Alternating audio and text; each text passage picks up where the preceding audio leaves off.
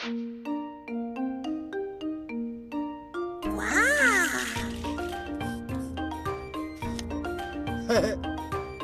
balio dute. Bai.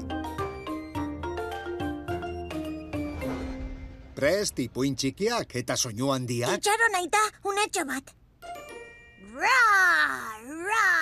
Mm. La la la la la la la la la. Primeran, orain bai, grabatzera seme danbor. Eta aita txor txor, Biok aurkeztuta. Ipuin txiki, Soinu handi. gaur gurekin, Tara tara ta ta. dantzan egin nahi dut. Nazalin Eliana Arango Ariasen ipuina. Tara tara ta ta. Nikolas bere ikasgelako mutikurik handiena eta indartsuena da. Arratsaldero, eskola amaitzen denean, estu estu heltzen dio motxilari. Arnasa hartu sakon eta abiatzeko prestatzen da. Txilin bueltak egiten ditu. Jauziak eta birak hegazkina baliz bezala erakustaldian. Boing. Etxean erregairik onena aurkitzen du zain. Aitak munduko platerik gozoenak prestatzen baitizkio. Gustura jaten du. Mm, azte gozoa. Eta gero patiora irteten da egan egiten jarraitzeko. Gaur familia osoa geratu da telebista ikusten. Pelikulan emakume batek luma baino harinagoa izan nahi du eta altzairua baino gogorragoa. Libre nabil, aizea bezala. Esan du protagonistak oin puntetan zutik. Baleteko dantzaria zen. Pelikula amaitzean, Nikolasek bihotza lehertu egin behar zaiola sentitu du. Besoak jaso eta ozen-ozen esan du, Dantzan egin nahi dut. denak batera zutitu dira eta esan dute... Dantzaria daukagu! Dantzaria daukagu! Asteburuan itzulipurdi politak eta mugimendu harrigarriak praktikatu ditu.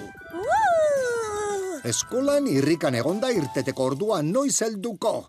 Kanpaia jo dutenean, Txilin, txilin. telebistako dantzaria gogoratu du eta kontzentratuta erritmoari jarraitu dio bere ibilian. Jete gant, jete petit. Urrats luzea, urrats laburra.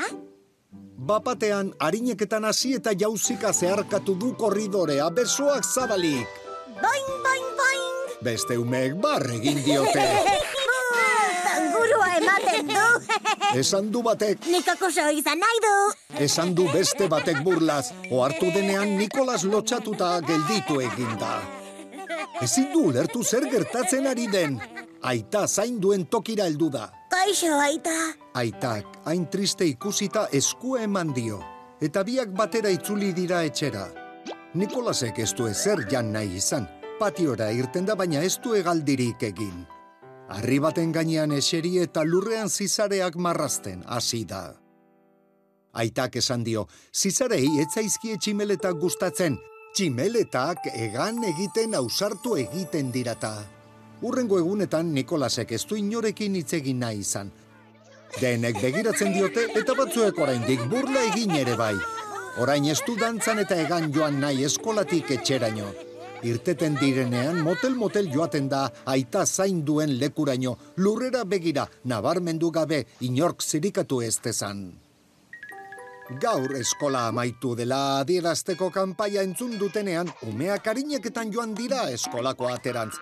Eta ez usteko handia izan dute denek. Atea kolpean ireki eta Nikolasen aita agertu da. Kriskitin eginez aldaken kulunka irosoari laguntzeko. Param pam pam pam pam. Param pam pam pam pam. Praka beltz estu estua jantzi ditu eta bizkarra agerian uzten dion gerrirainoko alkandora zuri laburra. Urrats bat atzerantz. Eta semeari dantzatzera gonbidatzeko keinua egin dio.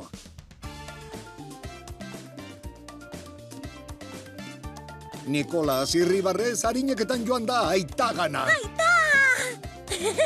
Aita eta semea estu estu bezarkatu dira.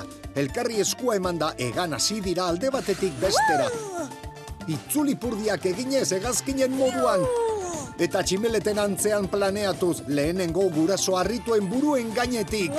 Gero etxen telatuetan, Ai! Eta azkenik zeru urdinean bertan. Bapateko dantza natural naturala eta ederra izan da. Lehen burlaka aritu ziren umeak hau zabalik geratu dira dantzaren edertasuna miretxiz. Bravo! Berezko teatro eder horretan Nikolasek eta itak dantzatzea egan egitea dela aurkitu dute, eta ezina ekinez egina dela. Eta hala izan bazan... Sar dadila kalabazan, eta irten dadila gure herriko plazan. Tararararan,